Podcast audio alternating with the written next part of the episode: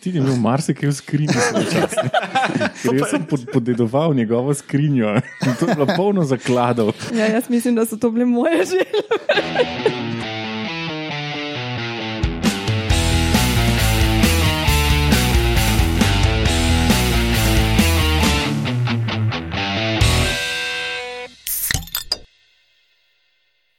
Lepo pozdravljeni, poslušate 23. oddajo podcasta Metamorfoza. To je podcast o biologiji organizmov, ki vam jo predstavimo ob lahkotnem pogovoru o pivu skozi tri rubrike. To so novice, ali ste vedeli, in vaše posebneži. In danes bo forma kršena, ker imamo mohitote. Kakšne no. mohitote? Ne vem, kaj imaš ti, Roman. Ja, kaj to? Nek, no. To so vitamini za odrasle. Spravi Roman Luštrik, nas, naš uh, dežurni biostatistik in gožni, gozni joža. Nahajamo se v brlogu Alenke in Laura Rozmana, naših dežurnih um, etnobotanikov, blogerjev o hrani, blog Slastno bomo dali link v zapiske. Jaz sem Matjaš Gregorič, arahnolog in evolucijski biolog, vaš gostitelj. Z nami je pa tudi nova gostja danes, dr. Melita Vamberger iz uh, Pridoslovnega muzeja v Dreznu, ki je pa tudi dežurna zbirateljka receptov za želve juhe. Zdravo, Melita. Uh, zdravo. Ne bi se strinjala s tabo, Matjaš. Nisi? ne. Pa niso želve take hodeče sklede. Jušne, meni tako izgledajo. Vse ja. je že pripravljeno, samo okolje obrneš. Se, se, ja, se reče skledenca. Se dejansko so jo uporabljali za to. Ja. No, Melita, ti si raziskovalka na Prirodoslovnem muzeju v Dreznu, ne, kjer se ukvarjate med drugim tudi z, ali v glavnem z populacijsko genetiko želu. Sem prav to povedal? Ja, čist prav. Bi povedala malo, kaj bolj delate? um, pač uh, skupina od profesora Uveta Frica, uh, v kateri sem pač vključena, se ukvarja predvsem z želvami po celem svetu. Uh, zanima nas filogeografija, populacijska genetika, uh, evolucija želu in pa tudi pač ekologija. Cool. A bi to povedala tako v dveh besedah, bolj enostavno? Za vse, ki niso študirali biologije, Recimo, kaj je filogeografija? Čisto enostavno. Uh, kje so želve, pa čigave so? Ne, ne. To je bila filogenetika, filogeografija je bolj tudi, kako so se razširjale. Pa, to, ja, pa kako je klima recimo vplivala na a, razširjanje želov, oziroma kaj so prepreke. Kakšni koli abiotski dejavniki, ne, ali potovanja kontinentov, ja. ali neke naravne barijere, karkoli. Ekologija, kot vemo, ni naravo varstvo, ampak je. Ali sploh ne, kaj želve s plastiko naredijo? ja, delno tudi. No. no. no, preden prav začnemo, uh, dajmo še par drugih admin zadev. Podcast gostuje na medijskem mreži Metina Lista. Zahvaljujemo se poslušalcem za komentarje in ocene v iTunesih, nekaj se jih je že nabralo, sem zadnjič videl, da zdaj že toliko, da imamo celo statistiko na iTunesih. To je kul, cool, ker še kdo drug najde, ki iTunes se slučajno uporablja. Ne? No, drugače pa vsakršne kritike, komentarji, pohvale so dobrodošle in jih lahko date na uh, mail metamorfoza afnametina.com ali pa Facebook metina liste ali pa Twitter metina liste, Twitter nasplošno pod hashtag metamorfoza. Več pa mene dobite na Twitterju pod Edmatjaš Gregorič, pa Romana pod Edromuno. Ja. Blog od Rozmanovih slastno o slastni hrani in domačih zvarkih bomo dali link. Melita, bi ti rada bila povedala, kak tvoj kontakt? Ali? Mm, dejansko na strani muzeja. Okay, ali pa Facebook. Na tur historije še zamljen in Dresden. Ja. Tak, ja. No, drugače pa to snemamo danes na 398. obletnico Keplerjevih zakonov, ki opisujejo gibanje planetov okrog Sonca. Ofensi. Pa je to bilo 1618. Tako, zdaj pa lahko začnemo. No, ja, in kot je že Roman povedal, bomo danes uh, kršili to formo treh rubrik. In to zato, ker pač se je Melita najavila v Ljubljani in smo izkoristili zadevo, da se pogovarjamo o želvah. Pa po mojem, povemo najprej, sploh, kaj so želve. Ne? Melita, mene otroci v šoli, ki imamo naravoslovne dneve, fulkrat prepričujejo, da so želve tudi dvoživke. A je to res? Zakaj pa te to sprašujejo? Ja, ker so v vodi, pa na kopnem ali alo. Ja, kot tjulen, recimo, ali pa aligator. Ja, samo obstajajo želve, ko so samo v vodi. Ali pa marš želve, ko so.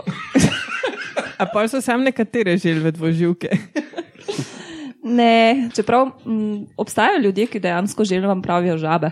Nemci? Ja, k Nemci. Ja, se, za Nemce so to oščitene žabe. Ja. A ne krastače. Šild kröte, ja. Šild je kao oklep plus kröte je krastača.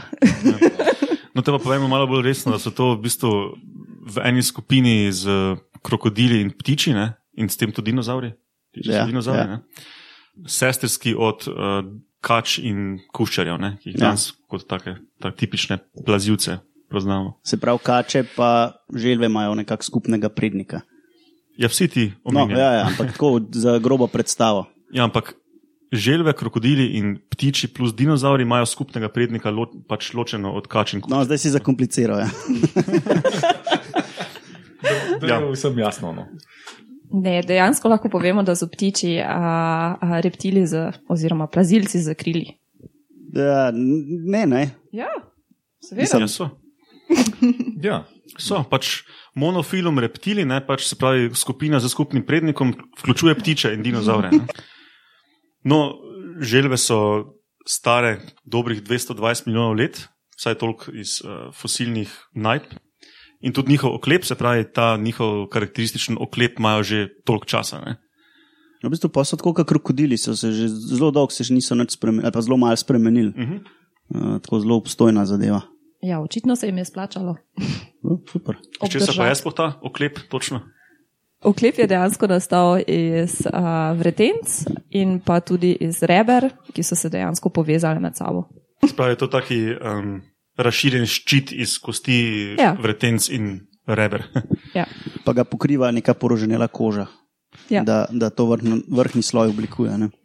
Mogoče še ena zanimivost, da tudi um, rib, ribje luske so kostne tvorbe. Vsaj včasih so bile, zdaj so se pa ta kost tako stanjšala, da je v bistvu čist prozorna že. Tako da pri vretenčarjih niti ni taka izjema, da so kostne tvorbe na površini telesa.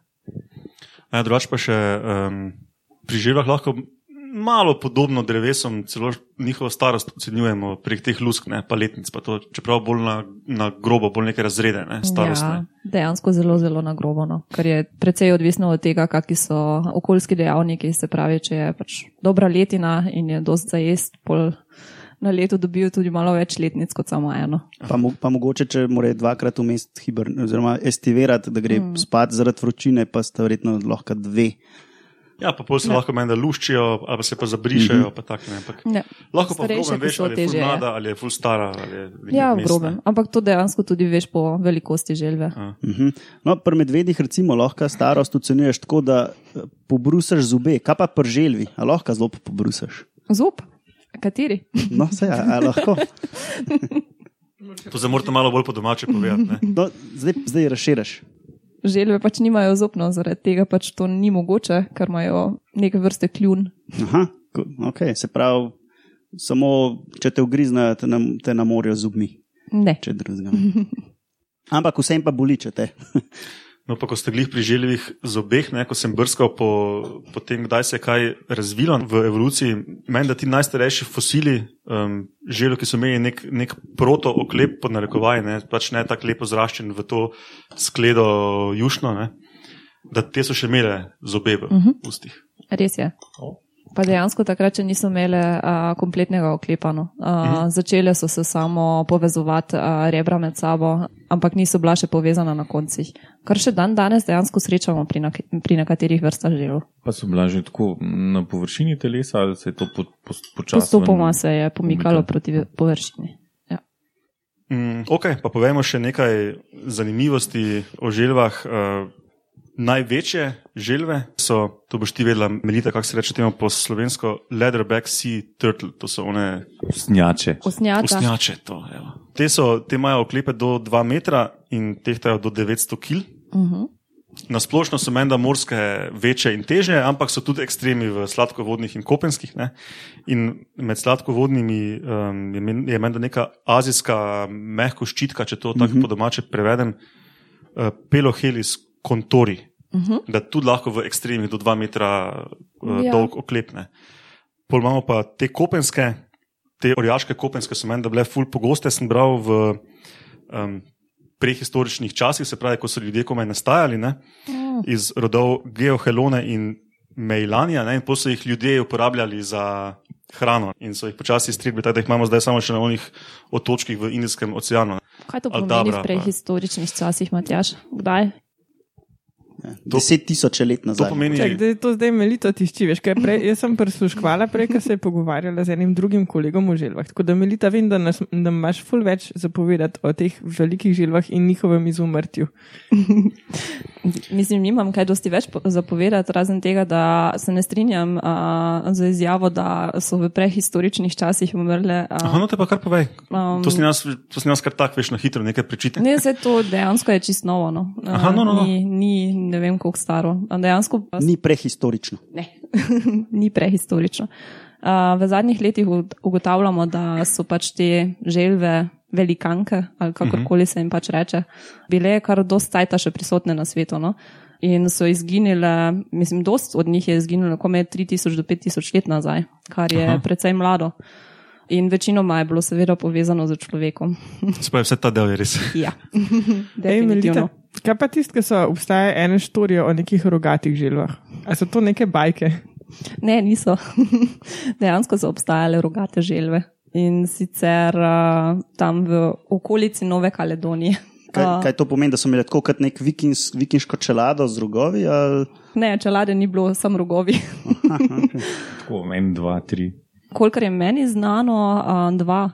No, drugač pa te, eh, ki, so, ki pa še jih danes imamo, ne? predvsem na, na Galapagos, recimo. Ne? Aldabra, Sešeli, Galapagos, ja, zrastejo tako do 130 centi v dolžino, pa tehtajo do 300 kg. ne. Um, Za kopenske živali precej impresivno. Ne? To bi tudi bilo za kosilo. Ja, sej, velika za- skleda. Za eno, zato omizje danes. sej to, so imeli, to je bil problem, ker so prišli na Galapagos, pa so enkrat teh želv pojedali v bistvu. Se mislim, da ti problemi niso bili samo z želvami, No, temveč z seveda, vsemi seveda. velikimi živalmi. Ne, v- Živalmi. O, hamu. Lakota. No, drugač pa menda največje fosile želve, ki pa so našli, je pa iz pozne krede in sicer do 4,6 metra v dolžino. Se pravi, več kot duplo od teh. Pravi, tak, pošten avto. Kaj avto, ja. Ja. No, drugač pa najmanjše želve so pa, najdel sem samo angliško ime, Speckled Padloper Tortoise iz Južne Afrike. To so one melita, ko smo jih mi dva iskala pred tremi leti v Južni Afriki. Ja, točno te. A, a sta jih najdla? Ne. Ne. Se pravi, so res, res majhne. Iskala. Uh, glavni del terena so bile ene druge želve in valjda, če bi to, to našla, je kar redko za najti, ne, mm -hmm. zelo na malih fragmentih še živi, ali kako če se prav spomnim. Ja, res je. Uh, veš, da bi se Ampak dejansko živijo full skrito življenje, tako da najdete take male želvice, ni to lahko. Potem pa sem še hotel, da bi malo povedali o želvi glavi oziroma tem vratu, ne, pač, kaj so karakteristične lastnosti, ki jih eh, tako ljudje poznajo o želvah, je oklep, pa to, da ne vem, se potegnejo v ta oklep. Ne. In, ja, povej. Jaz imam še eno dobro šolsko. no, povej. A lahko želva sleče v klep? Ne. Glede na to, da je oklep uh, zrasel iz vretenc in pa reber, bi bilo malo boleče. Ker mi to zmer delamo poskuse z želvami. Pač jih A jih tam- slačite? E, ne. pa lučenci ugotovijo, da se jih ne da sleči. No. Mhm. Je pa tudi, mislim, zanimivo je pa tudi jih na hrbet obrniti, pa pol stave pobiramo, a se obrne ali ne. Katere pa jemljete? A se vse obrnejo na, nazaj na noge? Ne vem, ali mislim, zaradi če vratkami delamo. Ja, no, drugače pa velika večina želov, ki danes živijo, potegnejo glavo tako teleskopsko noter ne, v oklep in se združujejo v skupino, ki se ji reče kriptodira, pa še ena manjša skupina pleurodira, kot tak na stran. Vije vratke. Esasto, vije vratke. Ne. Ti so pa kaj, ti so glavne iz Južne Amerike, ne? Ali kak? Mm, pa v iz Avstraliji Afrike. jih tudi imaš. Aha. Ne, v Avstraliji jih imaš, pol imaš jih tudi v Afriki. Ja. Jaz sem izčrpal moje zapiske, da zdaj bi jaz šel na um, naše področje, pa kaj je pri nas, pa take fure. No, vidite, kaj pa pri nas raste, kar se želu tiče. Pri nas v zadnjem času je kar dost želu, čeprav niso vse domače. uh, ampak imamo pa eno, ki dejansko živi v Sloveniji in to je močvirska sklednica. Poleg nje pa lahko srečaš v naravi ogromno število prinešenih vrst želu. To so rdeče vratke, premeno vratke ali še kaj drugega. O ne, v zadnjem času najdemo kar marsikaj, tudi mehko ščitke, rdeče vratke, rumeno vratke, pol so slovensko ime, ne vem, pseudogeografika. Zemljevidarka. Ja, točno. Zemljevidarka. Se te tudi razmnožujejo pri nas? Uh, za enkrat potrjeno samo za rdeče vratko. Mislim, um, rdeče vratko in rumeno vratko v tem primeru. Ker, uh, No, pa se že to je dovolj alarmantno, glede na to, da so ful agresivne, pa ne preveč plašne, pa ja, podobne res v je. habitatu kot sklednice. ne. Ja, dejansko so zelo kompetitivne in jim pač močvirskim sklednicam odzemajo uh, prostor, v katerem živijo, sončna mesta. Prinašajo tudi ogromno uh, bolezni v okolje, ki jih prej ni bilo, in zaradi tega pač tudi okužijo naše uh, močvirske sklednice. Pa kar je predvsem, mislim, v zadnjih letih smo opazili, da v tistih habitatih, kjer pač srečaš močvirsko sklednico, je ponavadi malo rdeče vratk. Ampak tam, kjer so rdeče vratke in jih je dosti, je pa skoraj da nič močvirskih sklednic. Uh -huh. Se pravi, tam, kjer se razmnožujejo rdeče vratke, kar izpodrivajo močvirsko sklednico. Ja, in to smo tudi v zadnji študiji potrdili dejansko z, z genetiko, da se razmnožujejo in razširjajo v Sloveniji.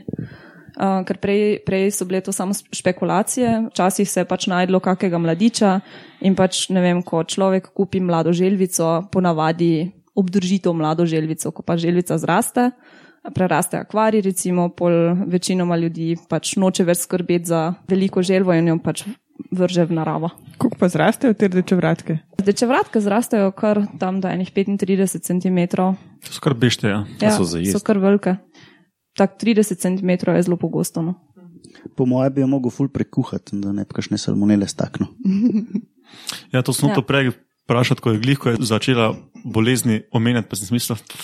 Mogoče ne bi zdaj nagovarjal vse poslušalce, da grejo in si, na- in si naredijo željo juho iz rdeče vratke, ne, da bodo imeli za stojn kosilo, pa še nekaj dobrega za okolje. Ne, se en profesor je enkrat povedal, da so za nič. Da ker sklednica še ni bila zaščitena, da je bila fajn za jesti, ampak da rdeče vratka pa ni. Kaj to, kar se bolj po blatu valjajo, mogoče kot neki krapi. Moš, se mora najprej spucati v bani. No, čeprav močvirske sklenice se bolj poblatovajo. Tudi to je res. Šlo želve itak nimajo glih ful intenzivnega okusa. A ja, si že probal? Ja, Prav? Matjaš, v, na Tajvanu. Mhm. Katero? Ne vem, verjetno nekaj lokalnega tam. Ne. Ja, kačjo juho, pa željo juho sem probal. Ja, tam. a, Oni strice sicer trdijo, da je bila kobra, ne, tisti juhi, ampak jaz sem prepričan, da ni bila. da je bila pač neka kača iz abajte. Mm. Taste like chicken. Še manj, mislim, ko, ko piščanče prsa, recimo, nič mm. kaj intenzivno okus, ne, za, za, pa tudi ni kaj dosti mesa, ne, na unih kosteh, da pač to vse skupaj v juho vržejo. Ne. pa kaj, uklep si še pol tudi imel v juhi od želve? ne, so bili samo koščki, A ja. kot da bi eno piščančijo juho skuhal, recimo, ne, z koščki kosti z mesom gor, čisto tako ta. Ker na kitajskem jo pripravljajo na tak način, da dejansko celo žival vidiš in pol ti razrežejo oni oklep na štiri dele, da lahko prideš do ne. notranjosti. Ne, ne, ne, Tajvanci imajo kar nekaj zakonov, ki jih Kitajci nimajo. Recimo tam tudi psov ne smeš jesti in tudi pri njih Mm. ni to tako uh, sprejeto. No. Se, se zgražajo nad Kitajci. Da, ja. Um, kako pa to, da kako preživijo z- zimo želve? Zakopljajo se v blato, uh, oziroma pač prezimijo, no? imajo tako imenovani zimski spanec. Kaj to, kar v- pod vodo ali grejo nekam ven? Pa... Čisto odvisno od želve. Nekatere grejo pač v vodi, v mulj se zakopljajo, druge se zakopljajo v zemljo, uh, v brežino. Različno je, no? ni, ni za eno populacijo vedno vse isto. Kopenske pa ne grejo vodo, verjetno. Kopenske ne grejo vodo, ne samo v Sloveniji, pač itak nimamo uh, kopenskih želov. Čeprav se še rahlo kregamo. No? Spravi, one varne? kornjače glih ne pridejo še do nas. Okay. Uh, Na- tiste, ki so na Balkanu. Če mene osebno vprašaš, mislim, da ja, da pridejo, ampak ni, ni še potrjeno. Pač, Aha, tega, pravi, če pridejo, pridejo pač čist na meji z Hrvaško. Ja. Kaj pa une morske karete, a to kaj šteje? uh, karete štejejo. Ja. Karete imamo uh, v, v, v našem morju. tako Koliko da- je vrst v Jadranu teh morskih? Kareta, kareta. Aha. Spravi, imamo dve vrsti potrjeni. Ja. Nekak, da. Ja, načeloma. Ja. Čeprav uh, v zapiskih oziroma v člankih včasih tudi vidiš, da se kakšna osnjača znajde v, v našem morju, ampak mislim, da je to zelo, zelo, zelo, zelo, zelo redko. Kareta bi bila kornjača, verjetno. Mm -mm. Ne vem, kako se je reče Ni kareta, kar Vem, da je prava kareta, to ni ta, nimam pojma, se je reče. Tu se nam vidi biologom, kako smo vajeni latinska imena, bratne. Ja, ne. ne pozabljamo prava imena. A ja, se res, una kornjača je pa testudo, ne? Kornjače Ja, ja, pa ja. te studuje. ki sta koliko, dve, tri, koliko jih je na Balkanu, teh testudov? Dejansko se še ne ve. Aha, se pravi, spet prije špil vaša populacijska genetika, Ja. ki bi lahko Ja. stvar malo bolj pojasnila. Ja, dejansko, ampak trenutno še imamo probleme s tem dobiti vse, vsa dovoljenja, da lahko dejansko vzorce pridobimo iz uh, različnih držav, ker pač tako večina želov tudi uh, kornjače živijo v večjih državah in za vsako državo rabiš svoje dovoljenje in preden pač vso to papirologijo urediš, pač traja. Kaj pa sklednica, ki živi od Balkana do cele srednje Isto. Evrope, več moče skritih vrst ali pa kakih malo bolj strukturiranih populacij ali kaj takega? Dejansko so strukturirane populacije, no, kar se mitohondrijske uh, DNA tiče, imamo trenutno potrjenih devet linij. Nekatere od teh linij imajo tudi uh, imena, ampak niso pač vrstna imena, temveč uh, podvrstna imena. Uh, zdaj pa še probamo z populacijsko genetiko pač pogledati, ali se te linije med sabo še razmnožujejo oziroma ima, imajo kontakt uh, ali ne. In na podlagi tega se bo pač pol videlo. a- Tudi je možno, da je to recimo tudi taka bolj nedavna, um, da so v bistvu, če nastajajo, no, mislim, če so to po narekovanju nove vrste, so v nastajanju ali pa mlade ali kaj takega. Ja, možno. tako je. Dejansko te linije, uh, ko jih zdaj vidijo, uh, vidimo, so dejansko posledica uh, zadnjih ledenih dob, ki, ki so bile prisotne. Zaradi tega, ker Mhm. pač želve spadajo med plazilce in so hladnokrvne, in zaradi tega so se pač umikale, mislim, preživele pač te ledene dobe v toplejših krajih, predvsem na jugu. Določene populacije na Balkan, pa na Peninski ja. polotok. In se spet srečajo. In odvisno od tega, koliko časa so bile pač ločene, pol vidiš, ali se še uspešno razmnožujejo med sabo ali ne. Kaj je bilo prsi, pa rumeno prsi. Jih hotel reči. Kaj, uh, kje nekje v dolini Soče se stikata te dve populacije? Ja, tle nekaj.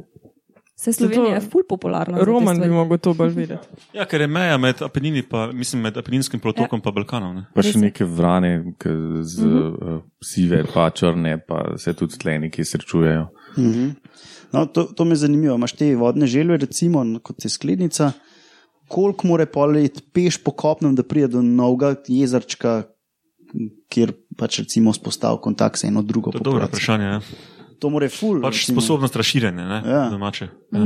Želve, pač močvirske sklednice koristijo različne migracijske poti. Se pravi, ne koristijo samo kopnega za premike, temveč tudi reke, potoke.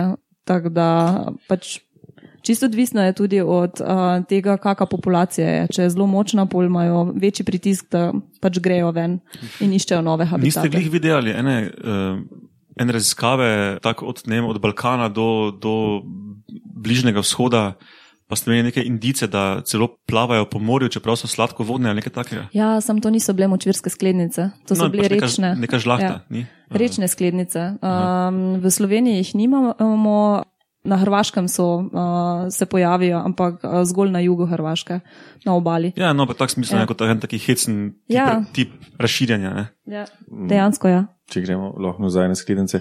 Kuk pa je, um, ne vem, mogoče tipičen ali pa mogoče tudi mogoče malo večji premik, kot to zdaj pač kilometr ali deset njih ali še več. Čisto odvisno pač od tega, um, v kakšni situaciji je ta želva.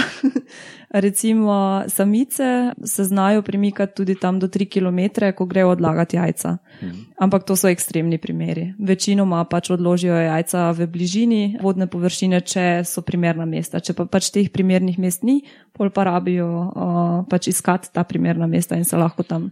Mislim, da največji premik, ko so ga zabeležili, je bil 3 km. Se pravi, tak v enem globalnem razmerju sposobnosti razširjanja organizma je to zelo malo. Ne?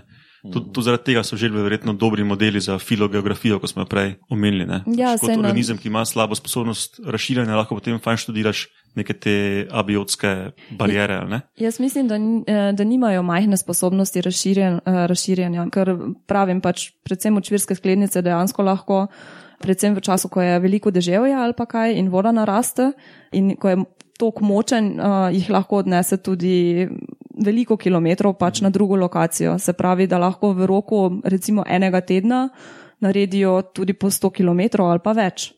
Ampak načeloma, če pač ni teh naravnih katastrof ali uh, podobnega, uh, so bolj teritoria teritorijalne in se obdržijo pač na tistem območju, kjer živijo. Aj, mm. še kaj o? Ne, Mislim, jaz sem hotel reči, da ko smo že kulinariko obdelali, no, bi pa še vsem vprašal nekaj glede kulinaričnih zadev. Kjera želva ima, oziroma ne, kater sir ima von po mrtvih želvah? To sem jaz, jaz sem vprašanja poslušalcev sicer hotel za, za na konec. A ja, ampak okay, no, ja, saj- daj, daj, daj. A to, je, to je bilo dejansko vprašanje od Ja, ki ga je, poslušalcev. pos- ki ga je, ki ga je on postavil. Ja. Mogoče je hotel spodbuditi na Twitterju neko debato. Ne vem. No, pa potem je Turjakom Martin odgovoril v bistvu. Ne. A res? Wow.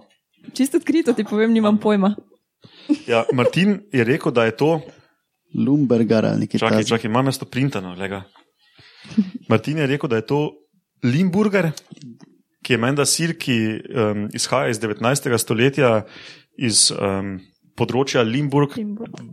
Vem, kaj to, kaj je Duke po Uh, slovensko. Vojvoda. Vojvoda. Vojvodina. Vojvodina. Vojvodina aha. No, in um, to je tam nekje na meji Belgije, Nizozemske, Nemčije. Ne? In da je to tako srednje mehki sir, ki je dobil von zaradi bakterije Brevi Bacterium linens, ne, ki da um, močen von po človeškem telesu in predvsem smrdečih nogah. In, in mrtvih želvah. Mrtvih želvah. Ja. Jo, e, z Kaj si ga Martinom. že jedel? Ne, ono? eh, s prej omenjenim Martinom sem bila enkrat v Špare in on tam en sir voha in je vse v oblakih. Uh, kaj pa imaš to za en sir, da ga imaš šest vohov? In to povoham in mislim, da sem dol, skoraj dol padel. To, ki je smrdel, oh, mrt po mrtvih želah. Katastrofa. No, pa Kako pa pač- veš, da je smrdelo po mrtvih želvah, če te smem vprašati? Martin je imel marsikaj v skrinji svoj čas. Jaz sem pod, podedoval njegovo skrinjo in to je bilo polno zakladov. Ja, to je bila skrinja, ko je bila tudi melita cimra od Martina. Ja. Zato so bile tam želve noter. Ja, jaz mislim, da so to bile moje želve. Ko smo jih našli na terenih, ojoj. Roadkill za DNA. Ja, Tako da Martin, Martin se spozna na te stvari. Ampak so že bile mrtve prej, no sem toliko, Ja, da povem. Roadkill pač pobereš za DNA. Ne. Ja. Pač tudi, tudi želve morajo ceste prečkati, ki fragmentirajo okolje. Ne. A še imaš te žvali? Ne, sem skrin. No. Drugače, tehnično mislim, da ne smeš pobrati, ampak. Ja, To bomo ki Ne, jaz imam a, dovoljenje. A, ok, ok. Ja. No, pa ko smo že pri vprašanjih Twitterašev, Slavko Jarič, ki dela podcast številke, je vprašal, zakaj so želve tako dolgo žive. Pa ne vem, če, bomo tukaj, če nas bo tukaj pet biologov za to mizo našlo odgovor. Ne. Ja, jaz sem, Verjetno je to kar eno od takih velikih vprašanj, zakaj se živali na nek način starajo v biologiji, pa še ne vemo čez dobrih odgovorov na to. Zato ker. To vsaka vzgojiteljica v vrtu ve. Zato ker. Kaj imajo, kaj imajo počasen metabolizem želve? ja, samo ne vse. Čisto je odvisno spet od tega, o kateri vrsti govorimo. Recimo, če ostanemo zdaj pri naši močvirski sklednici, pol v času zimskega spanja se definitivno metabolizem zniža. Se pravi, v- uh, ali pa v času estivacije, to je pa takrat, ko je prevroče in pač ni več vode in se morajo zakopati, ker pač nimajo več za jesti um, in za živeti. In v, v teh časih um, definitivno pač srček dela malo počasneje. Ja, Kuk cajt pa pol živi ena skledenica No, dolg, to- pa koliko živi ena dolgoživa. Jaz sem par želva številk dolg. sicer zbrskal, samo sklednic ni, ni bilo vmes, ker pač sklepam, mm. da niso med najbolj dolgo živimi. Ne? Ne, problem je v tem, da se dejansko ne ve. Uh, mislim, No, pa da ta, ne, ta največji, mislim, največji, ni največji zapis, ko je pač nekdo imel močvirsko sklednico doma, je bilo okrog 70 in, ali 80 let. Ampak nekateri avtori trdijo tudi, da uh, znajo tam do 120 let živeti. Uh -huh. Ampak dejansko noben ne ve. Ni pa preverjeno. Ja. Ne. No, um, leta 1965 je umrla ena želva po imenu Tuj Malila. Pač dosti teh um, nekih rekordov dolgoživosti je iz živalskih vrtov, pa to krvali, da imajo te živali imena ne, in potem tudi verjetno to tržijo ti živalski vrtovi, ne, pa tako kot neke njihove posebnosti. In ta želva je dolgo veljala za rekorderja med vrtenčarji in je doživela 188 let. Lepa. Um, Radiated tortoise je to spet tista, ki smo jih mi dva polno videla v, v Južni Afriki. Ne, mm -mm. Kaj prav tisto nismo nek, neke, neke na radiiranje, ime tiste, ko ima taki, Ja, radiator. take Ja, trikotnike po spodnjih ja, ja, luskah. ja, sem jih nisma videla. A Ja, to nekaj narobe. Kje pa so one, ko imajo take črne trikotnike na spodnjih luskah? Videla sva, a, ne, ne, tisto so bile pa čez, čersine, nimam pojma, kako se jim po slovensko reče. A, čersina angolata. Ter, Angolata, to, Angolatke to, to sem zamenjal, ja. vidiš. Ja, Ta- red- Redijate imajo, pa mislim, da je luske Ja. tako malo bolj v piramido. Pa Ja. Smo se pa pogovarjali o njih, verjetno. ne, pa, veš, kje si jih, vi, mislim, nisva jih videla živih, videla sva samo oklepe. Aha, Ne vem, če se spomniš, ampak kolega biolog iz Afrike nam je tri oklepe prinesel pokazati. To se pa- pa mogoče od tega spomnim. Ja. No, drugače pa še ti nepreverjeni podatki. Ne? Um, te ogromne želve iz Aldabre, menda je nek nek nepreverjen osebek, ki je živel 255 let in ta osebek umrl marca 2006 um, v enem uh, živalskem vrtu v Indiji. In če je to res, ne, je pač nepreverjen podatek, je pač to pač bila najbolj stara kopenska žival, ne, če je to res. Ja, če je res. Um, uh, Kako je bil pa uh, Lonely Son George star? Oni, Ta je tudi pred kratkim šel. ja, ne? pred kratkim je umrl, pa pač mislim, da je kar prilično let imel. Ampak bi bilo treba preveriti. No. Bo Roman preveril na No, um, drugo vprašanje je pa, koliko rabijo do spolne zrelosti, pa koliko v bistvu se hitro razmnožujejo. A močvirske sklednice ali Ne, že v splošnem želva, ja. Spet čisto odvisno, o kateri vrsti govoriš.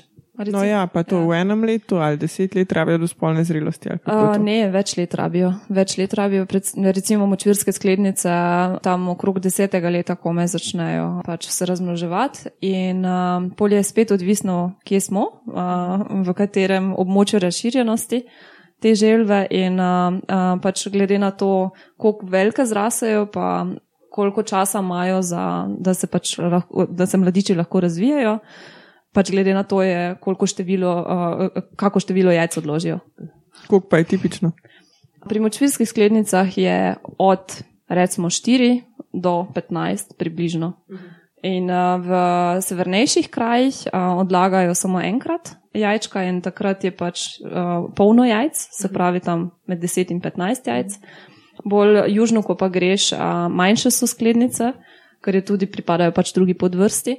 In uh, ker so pač manjše, nimajo toliko prostora v svojem oklepu uh, in imajo lahko manjše število jajčk, zaradi tega odlagajo večkrat in po manjše število jajc, se pravi tam, recimo tam enih pet.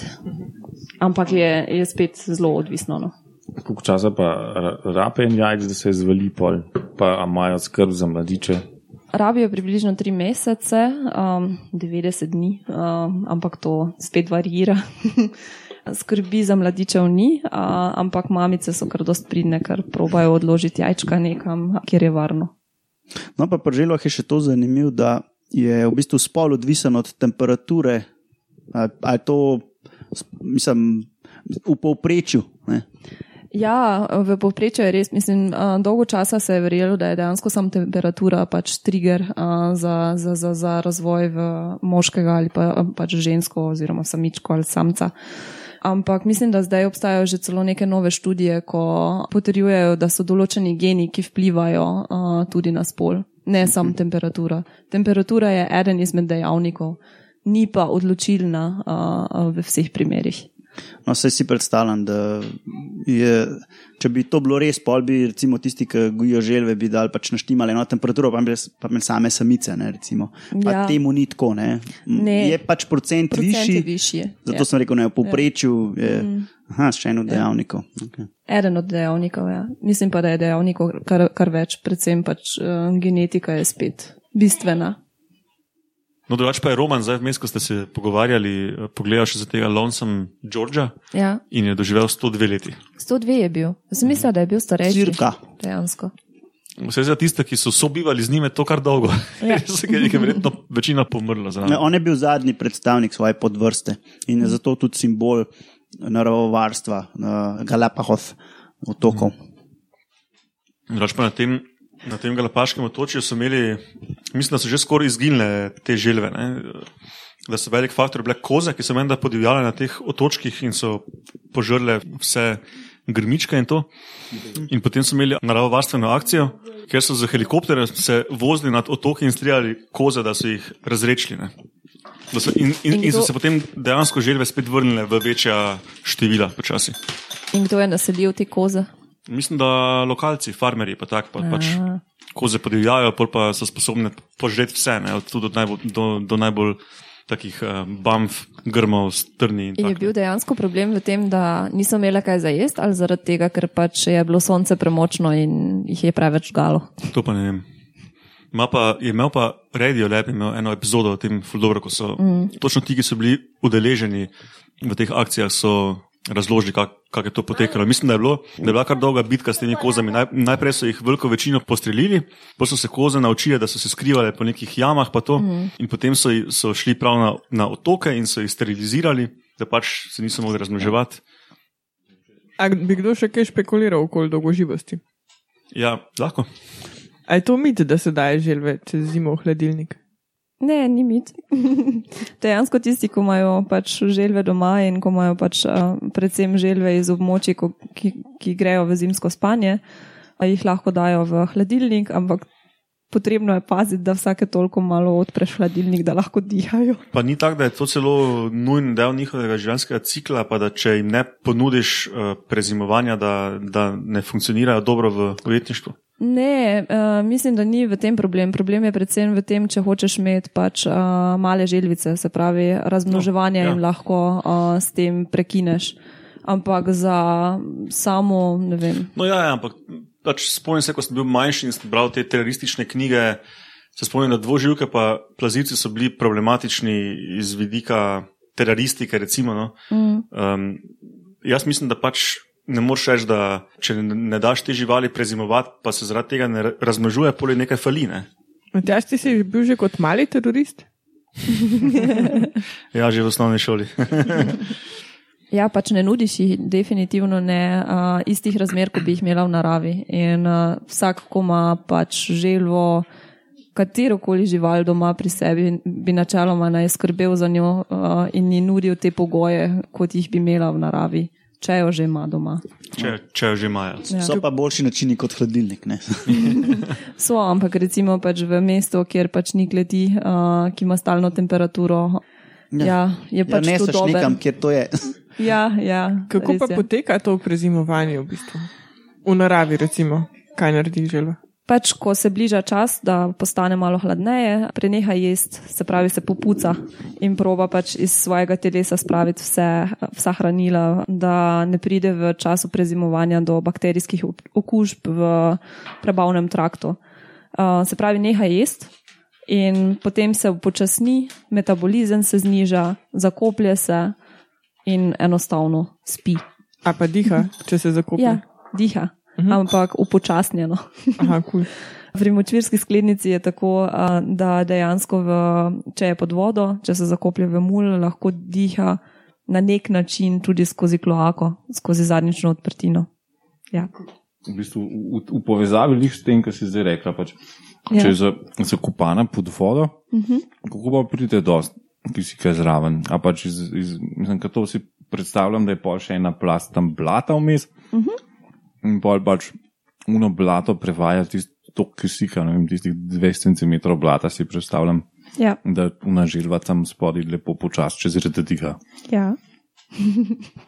Zelo, zelo, zelo malo kisika rabijo Ja, v tem očitno- času. malo, ja. Očitno, če je ful počasen metabolizem, ne, rabiš primerno Ja. malo kisika. Ne.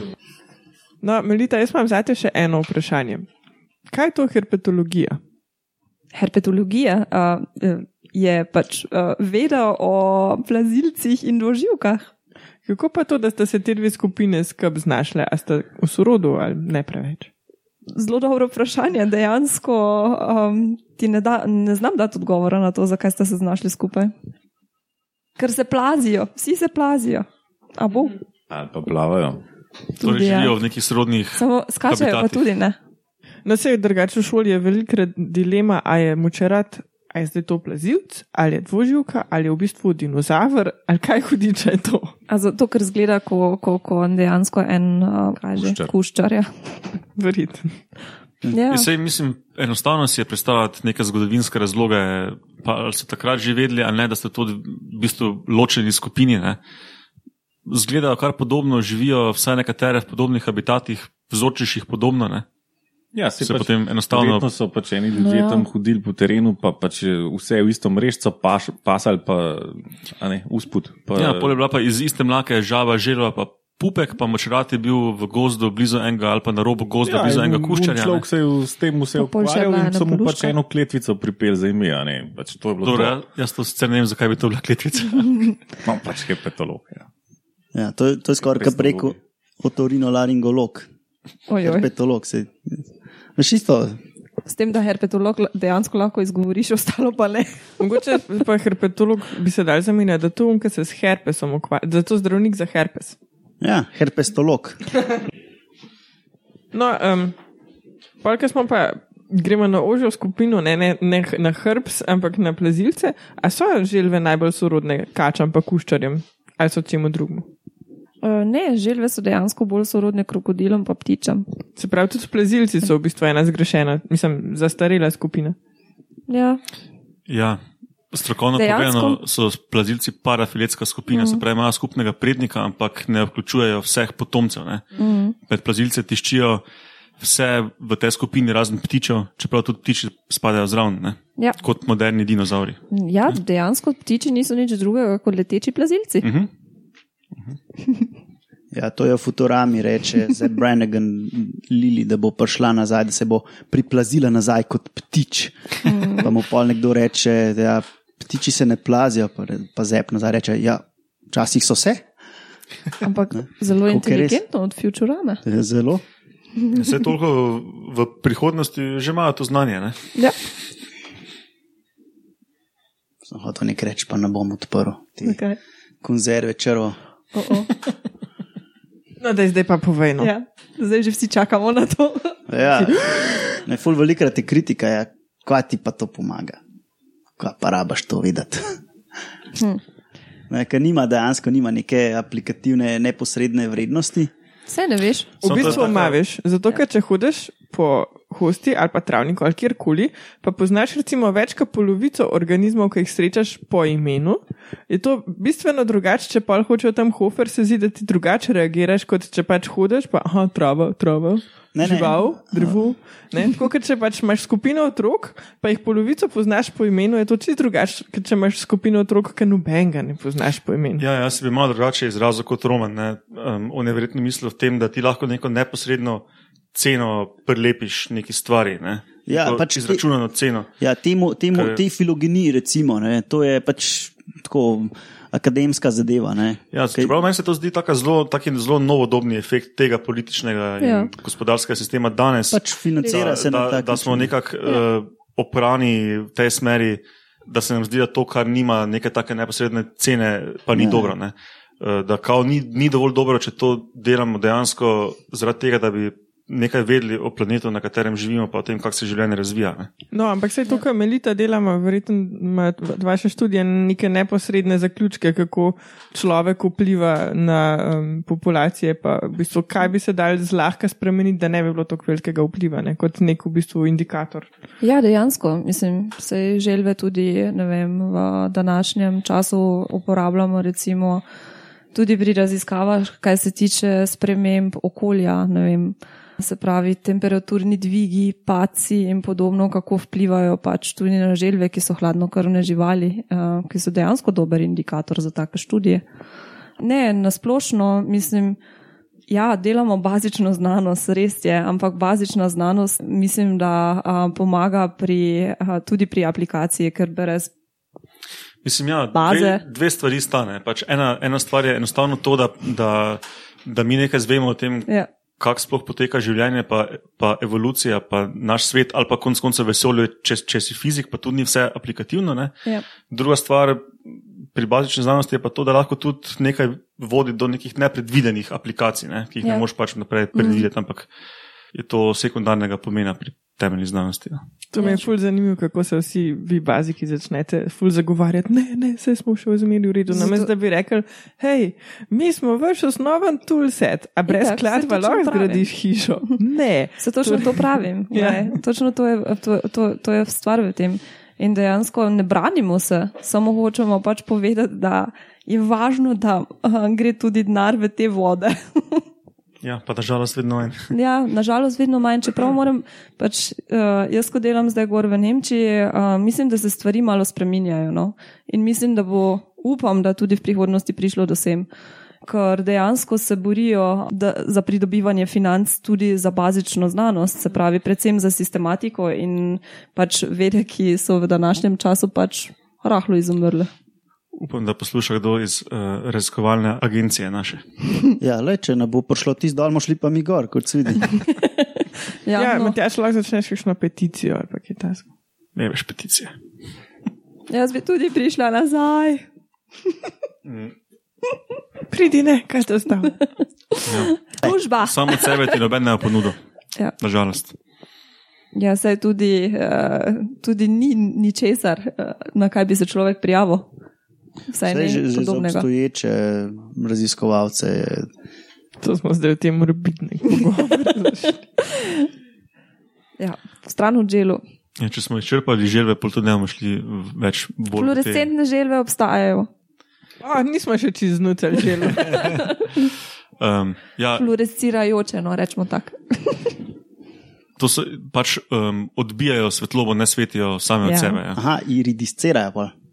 V bistvu to je odbijajo, ne? tako Ja, kot ja, metulji, ja, ja. recimo, Ja. ne, se Pač ni, ni bioluminescence, da bi, gen, da bi generirali, Mhm. da bi njihova telesa generirala svetlobo, ampak samo odbija.